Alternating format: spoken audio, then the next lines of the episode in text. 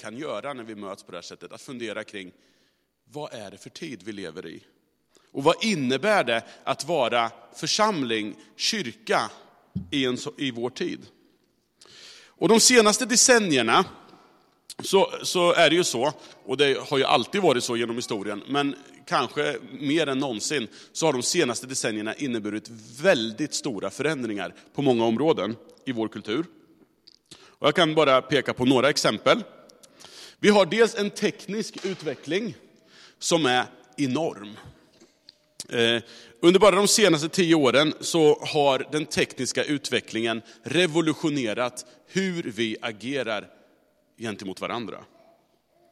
Genom vår smartphone, jag valde att smartphonen får liksom på något sätt symbolisera den tekniska utvecklingen eftersom det är var mans egendom idag i stort sett.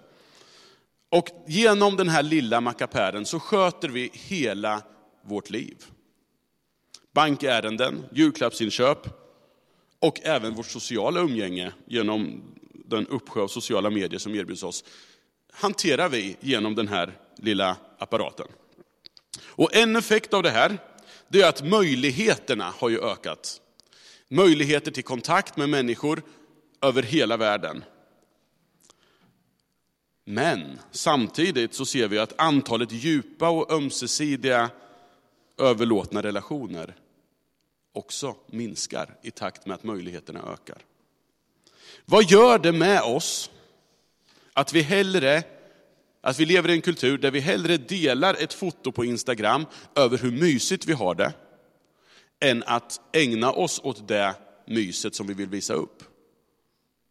Vad gör det med oss? Och hur är vi kyrka i en sån kultur? En annan förändring, ett annat område, det är sociologiska förändringar. Har ju också ritat om kartan för oss och i vår kultur. Vi ser den här tekniska utvecklingen har ju lett till att vi agerar olika mot vad vi har gjort förut socialt. Men i och, med, så, i och med de stora flyktingströmmarna som vi har sett de sista åren, så ser vi också att, människor, att, att en stor andel av befolkningen kommer från andra kulturer. Vi kan allt mindre i Sverige tala om en svensk kultur, om vi nu någonsin överhuvudtaget har kunnat det. Men det blir väldigt påtagligt att nu kan vi inte det. Utan vi lever i ett allt mer så kallat pluralistiskt samhälle, där olika kulturer ska leva sida vid sida. Och hur är vi kyrka på ett sätt som kan omfamna och appellera flera kulturer samtidigt? Och det här, de här utvecklingarna på tekniska sidan, sociologiska sidan, har ju också bidragit till ideologiska förändringar. Inte minst när det gäller det här området som vi kan kalla livsåskådningar. Från att en bit in på 1900-talet har varit att betrakta som en kristen enhetskultur, så är Sverige mer att betrakta som ett efterkristet eller postkristet samhälle. Till exempel så tror jag att flera av oss som är här har minnen av en tid då morgonsalmen och kristendom var obligatorium i skolan. Medan vi nu betraktar skolavslutningar i kyrkan med allt större skepsis och funderar över vad gör det med oss? Utesluter vi inte människor när vi har det i kyrkan och så vidare. I det postkristna Sverige, det efterkristna Sverige, så är det sekulära normen. Det vill säga en, den position som anses neutral och inte behöver motiveras. Det är avsaknaden av tro, eller rent av ateism till och med. Spåren av den kristna kulturen finns kvar i form av almanackans utformning. Det är jul, det är påsk och sådana här saker. Vi, ta, vi använder vissa talesätt som, som härrör från Bibeln. Vi heter saker som har en biblisk referens. Men det är uppenbart att de kristna symbolerna, de kristna berättelserna, inte längre präglar hur svenskar tänker om sitt liv. Och den kristna tron uppfattas som allt mindre relevant. Jag kan ge ett boktips på det här. David Turfjell, en religionshistoriker, har skrivit en fantastisk bok som heter Det gudlösa Sverige. Eller Det gudlösa folket heter den. Som liksom analyserar de senaste århundradenas utveckling på det här området. Men nu så talar allt fler om att vi är på väg in i en postsekulär tid. En eftersekulär tid. Där även då det sekulära icke-trosperspektivet ses som ett perspektiv bland alla andra. Föreställningar om Gud och, och andlighet som det sekulära projektets förespråkare trodde var på väg ut och skulle få en allt mindre plats i samhället, har snarare blivit mer synliga och gjort en comeback i det offentliga samtalet.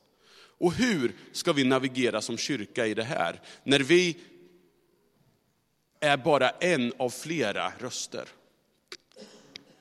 Det är inte särskilt konstigt, tänker jag, om alla de här förändringarna som har skett och vars takt tilltar hela tiden, gör oss som församling vilsna och osäkra inför framtiden. Den kristna identiteten har också förändrats på många sätt. Stuart Murray, en, krist, en engelsk teolog, han, han har visat på olika sätt som den kristna identiteten håller på att förändras. När vi går från ett kristet samhälle till ett postkristet och postsekulärt samhälle.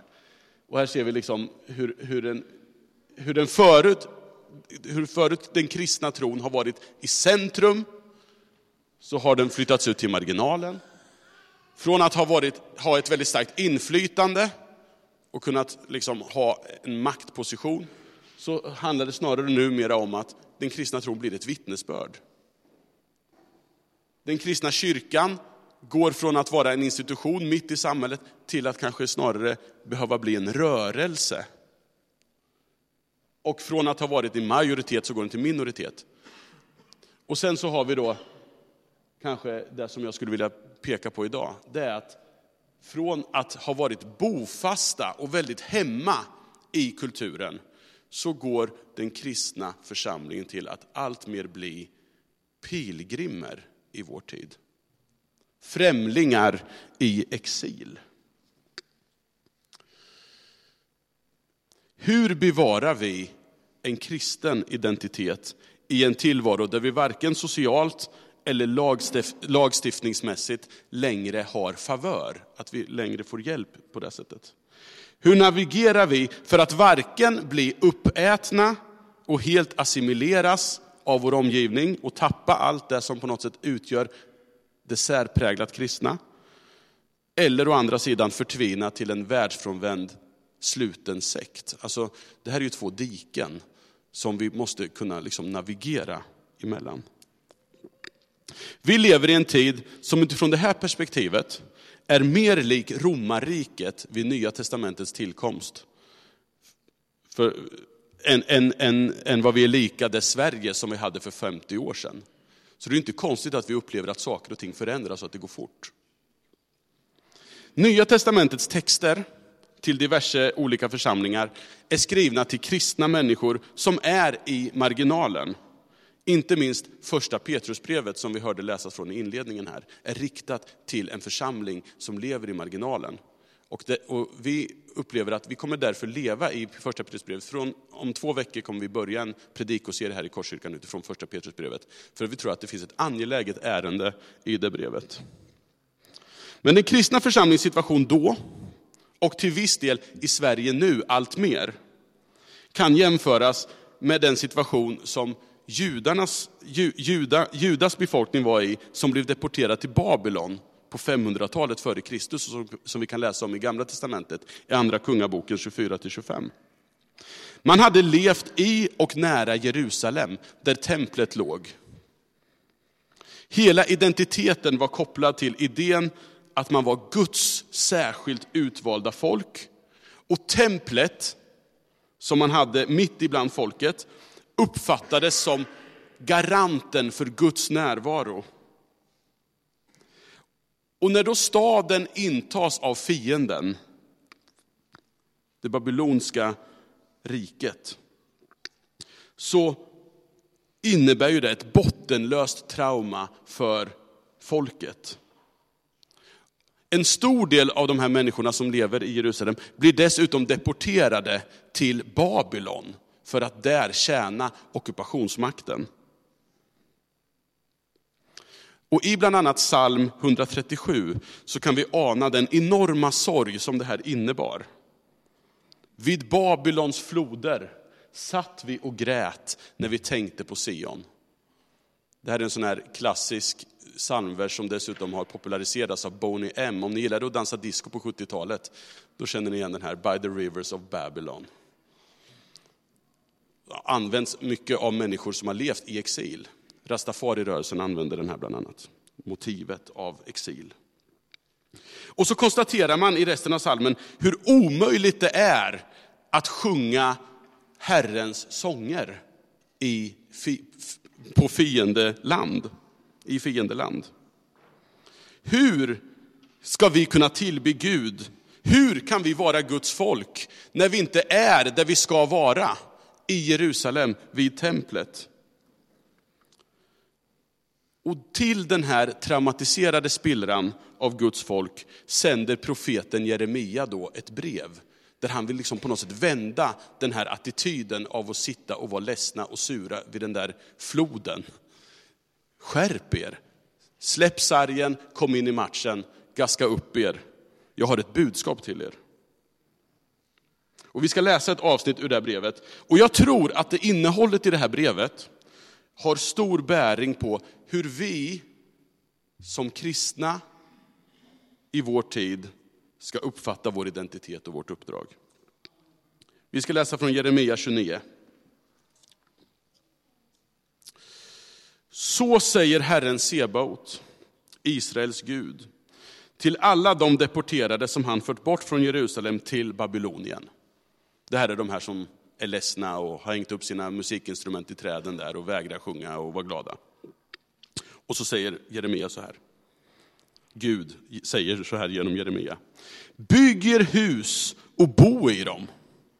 Plantera trädgårdar och ät frukten från dem. Ta er hustrur, avla söner och döttrar. Ta hustrur åt era söner och ge era döttrar åt män, så att de föder söner och döttrar. Bli fler där, inte färre. Gör allt för att den stad jag har deporterat er till ska blomstra och be till Herren för den. Ty dess välgång är er välgång. Så säger Herren. Först när 70 år har gått för Babylonien ska jag ta mig an er och uppfylla mitt löfte att föra er tillbaka hit. Jag vet vilka avsikter jag har för er, säger Herren. Välgång, inte olycka. Jag ska ge er en framtid och ett hopp. När ni åkallar mig och ber till mig ska jag lyssna på er. När ni söker mig ska ni finna mig. Ja, om ni helhjärtat söker efter mig ska jag låta er finna mig, säger Herren. Det första som jag skulle vilja lyfta fram, som Jeremia vill få sina läsare att förstå, det är att Gud har kontrollen.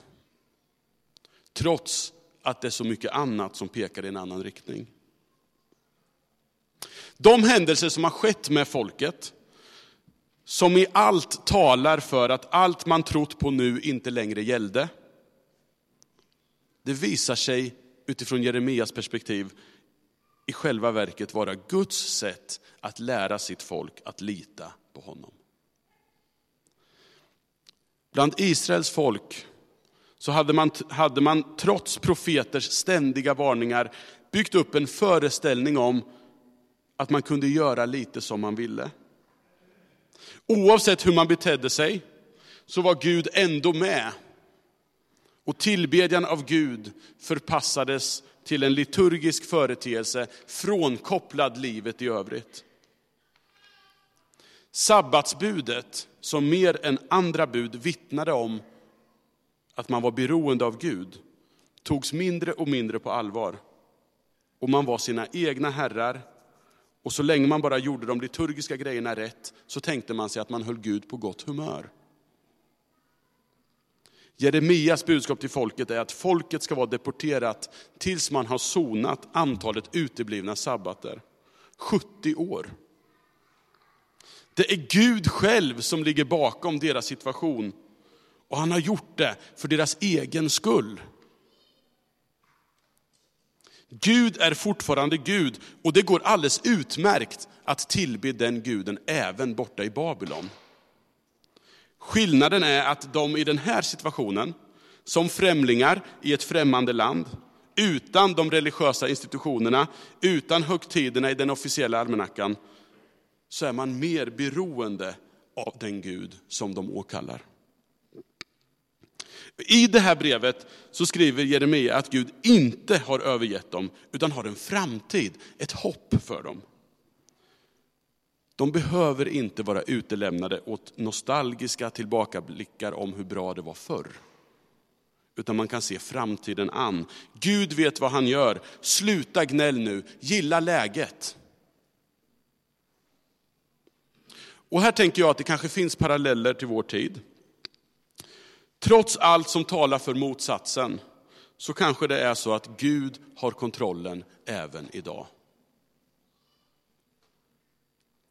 Judarnas gudstillbedjan hade blivit stympad eftersom man skilde på gudstjänstliv, då Gud tillbads med sånger och riter och böner, och vardagsliv, där människorna försummade Guds vilja och tyckte sig veta bättre.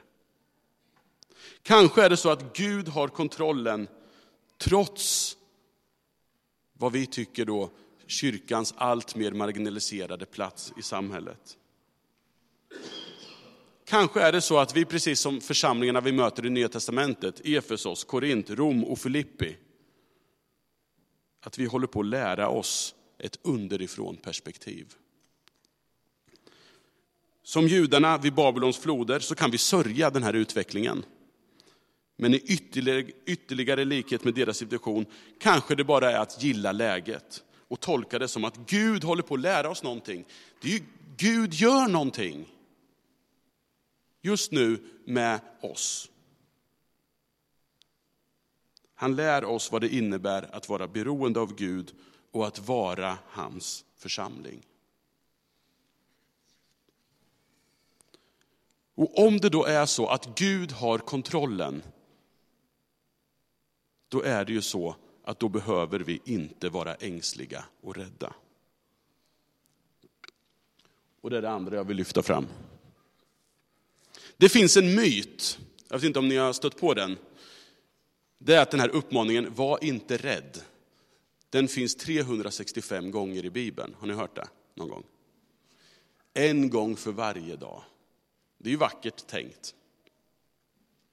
Men det, det, stämmer inte, för den här uppmaningen finns fler gånger än 365. All rädsla är destruktiv om det är den som styr vårt beteende. Någonting av det största som hänt vår stad de senaste åren, det är IFK Norrköpings SM-guld. Det tror jag alla håller med om. Och då var det så att journalister och tyckare, de bedömde det här som en av de största skrällarna genom tiderna. Men det som grundlade hela den här framgången, det var Jannes mantra. Ni måste våga. Ni ska inte styras av rädslan. Ni måste våga. Ni måste våga. Framgången hade sin orsak i att laget match efter match vägrade styras av rädslan att misslyckas.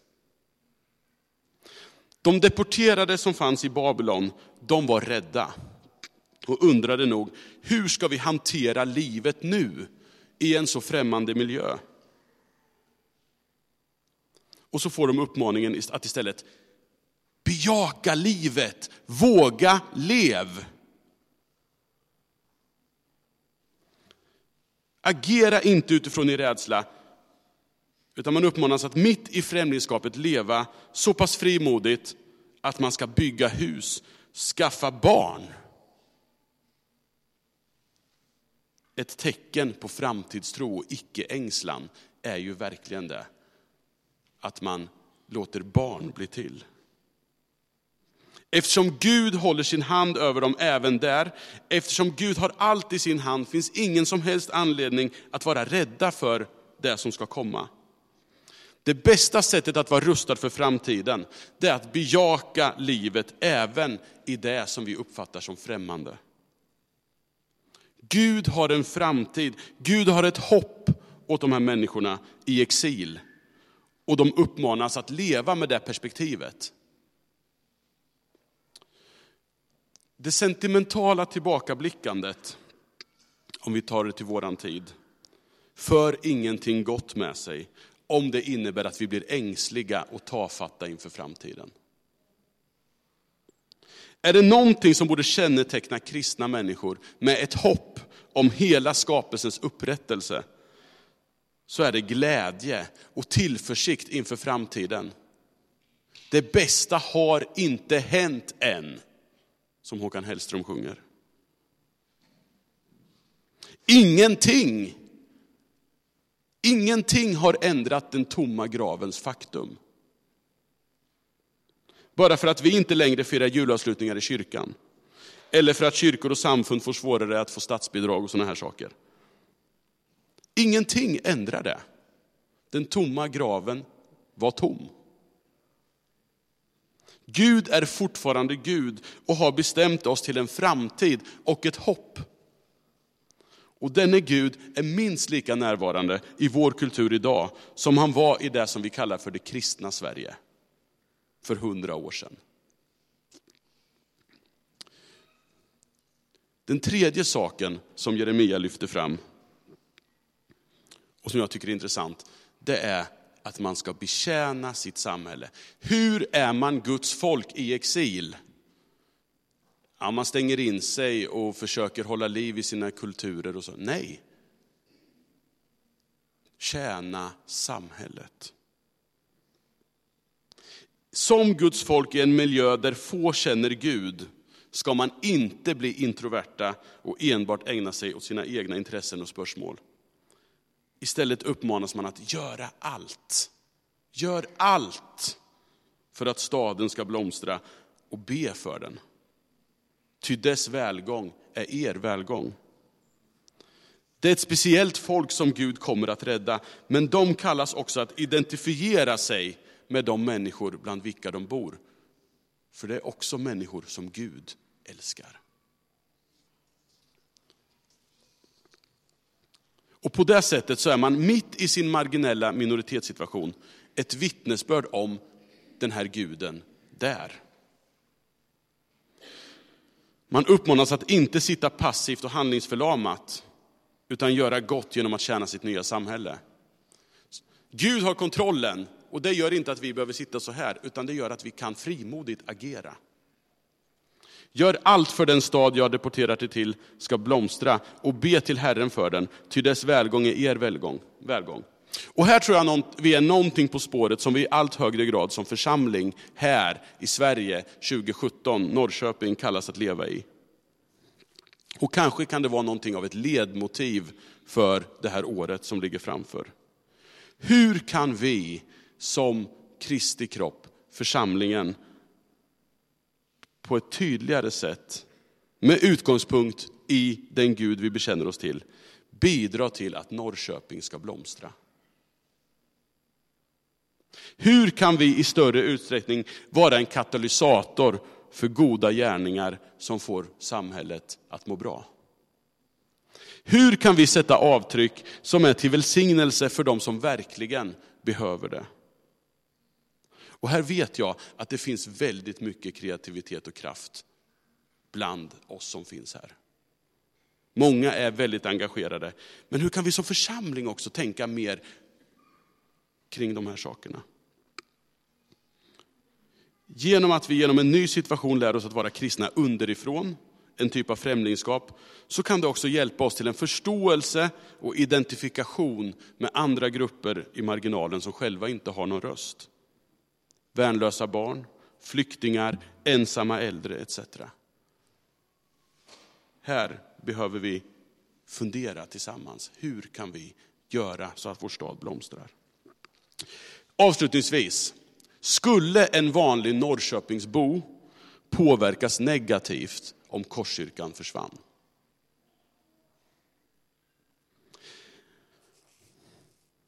Min bön inför 2017 det är att vi vågar tänka större, bredare och mera helt kring vad lärjungaskap och missionsuppdrag kan innebära i en tid som vår.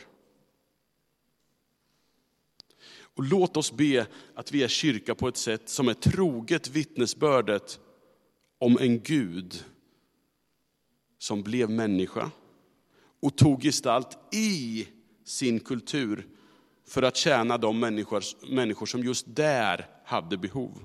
Oavsett hur många religiösa tabun och bekvämlighetsgränser han överskred för att nå de här människorna med sitt helande, sin beröring och sin kärlek. Julens budskap är oerhört radikalt om en Gud som överskrider varje gräns för att nå människor med sin kärlek. Om vi får smak på det, då tror jag att människors liv i Norrköping skulle påverkas väldigt negativt av att den här församlingen inte fanns.